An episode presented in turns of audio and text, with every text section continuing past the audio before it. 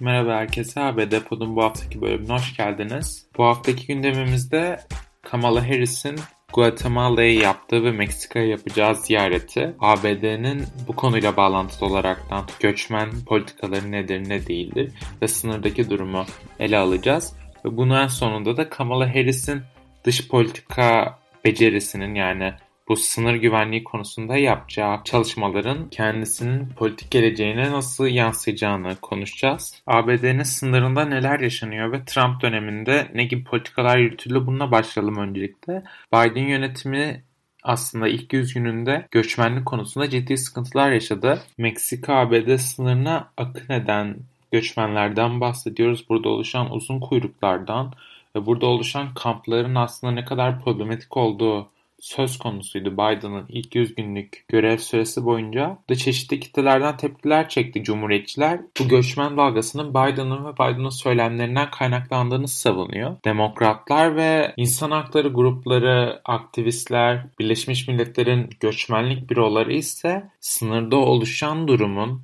ve ABD'nin göçmenlik politikalarının insan haklarına, evrensel hukuka ve göçmenlik yasalarına aykırı olduğunu, bu yasalarla çeliştiğini belirtiyor. Çünkü orada oluşan ortam pek de hoş bir ortam değil açıkçası. Bunun da sebebi aslında öncelikli olarak Trump döneminde alınan bazı politikalar. Yani öncesinde de zaten ABD'nin sınır konusunda çeşitli sorunları vardı. Ancak Donald Trump döneminde yeni uygulanmaya başlanan bir protokol sonrası bu sorunlar artmaya başladı. Bu protokol neydi? MPP diye geçen ve aslında göçmenliği kontrol konusunda yine kısıtlamalar getiren bir yasaydı. Yani aslında genel olarak Meksika'dan gelecek çeşitli göçmenlik dalgalarının önüne geçmesini, bunları önlemeye yönelik bir yasaydı. Peki bunları ne şekilde önlüyor bu yasa?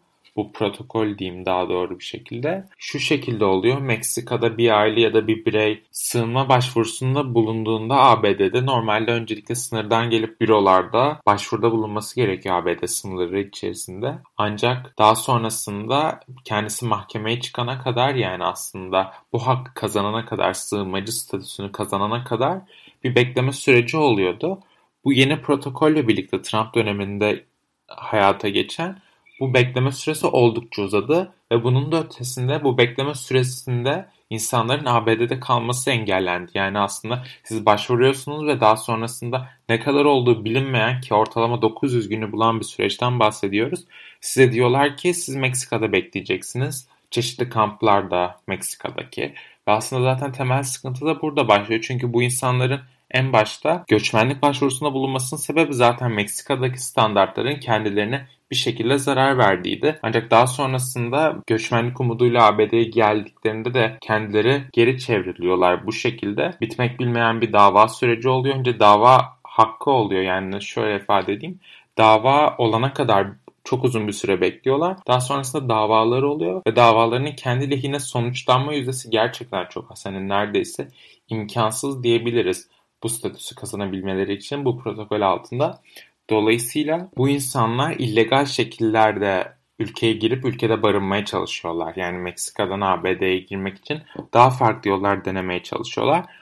Bu da bir güvenlik sorunu oluşturuyor ABD için ve bu çözülebilmiş değil. Yani bunu Trump döneminde de çözülemedi. Trump zaten sınıra duvar öreceğim vaadiyle seçilen bir başkandı. Bunu zaten yapmadı. Bir de bunu Meksika'ya ödeteceğini iddia ediyordu. Bu başarısız oldu herhangi bir sorunu da çözemedi kendi sınırdaki ve bu imzalanan yeni protokolle sınırdaki sorunları arttırdı diyebiliriz. Biden ne yaptı? Biden da aslında şu ana kadar pek bir şey yaptığı söylenemez. Yani sınırda yaşanan sorunlar devam ediyor.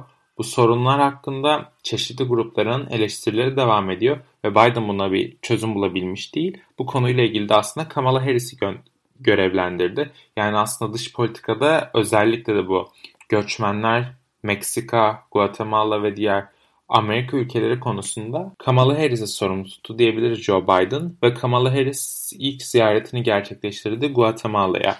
Burada aslında kurduğu bir cümle var daha sonrasında basın toplantısında. Kendisi direkt olarak seçmenlere dedi ki gelmeyin yani hani do not come dedi direkt olarak açık bir şekilde. Bu aslında baktığınızda birincisi yanlış bir söylem yani ne anlamda yanlış? yasalarla çelişiyor. ABD'nin bağlı olduğu yasalarla ve anlaşmalarla zaten çelişiyor çünkü baktığımızda Hani en basitinden sizin Birleşmiş Milletler'in öncülüğünde hazırlanmış Universal Declaration of Human Rights dediğimiz sözleşmede bile aslında insanların iltica hakları, göçmenlik hakları korunuyor. Yani birden fazla uluslararası sözleşmede korunuyor bu haklar. Dolayısıyla ABD Başkan Yardımcısının çıkıp göçmenlere gelmeyin diyebilme gibi bir yetkisi yok diyebiliriz ve demesinin de yanlış olduğunu söylersek yanlış bir şey söylemiş olmayız. Peki bu gelmeyinin altında başka neler yatıyor yani aslında bu göçmenlerin gelmemesi nasıl sağlayacak Amerika Birleşik Devletleri? Çeşitli girişimlerde bulunarak o ülkelerde yani çeşitli yardımlar örneğin 1 milyon doza yakın aşı başlayacağını açıklamıştı ABD, Guatemala'ya ve Honduras'a yanlış hatırlamıyorsam.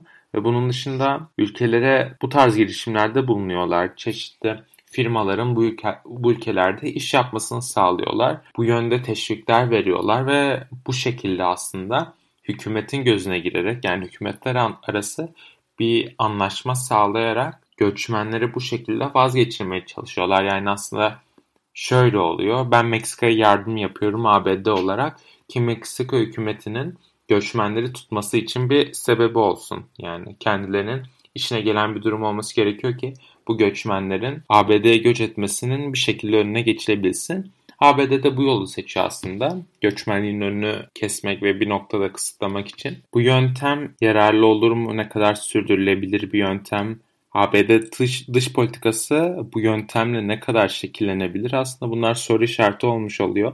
Ve bunun da ötesinde aslında Kamala Harris'in bu konuda alacağı kararlar ve uygulayacağı politikalar kendisinin politik geçmişiyle ilgili de çok fazla şey gösterecek bize. Çünkü zaten kendisi 2020 seçimleri için aday adayı olan bir isimde. Demokrat Parti'nin başkanlık adayı olmak için yarışmış bir isimdi ve daha sonrasında başarısız oldu ve yarıştan çekildi. Ve olası yani Biden'ın vefatı gibi bir durumda ya da Biden'ın tekrar aday olmaması gibi bir durumda Kamala Harris'in başkanlık adayı olması oldukça muhtemel yani ciddi anlamda olası bir durum. Dolayısıyla kendisinin seçmeni ikna edebilmesi için bu tarz konularda dış politika konusunda özellikle kendi kanıtlaması gerekiyor ki kendisi dış, dış politika konusunda eksik görülen ve eleştirilen bir isim. Bu haftaki bültenimiz bu kadardı. Dinlediğiniz için teşekkürler.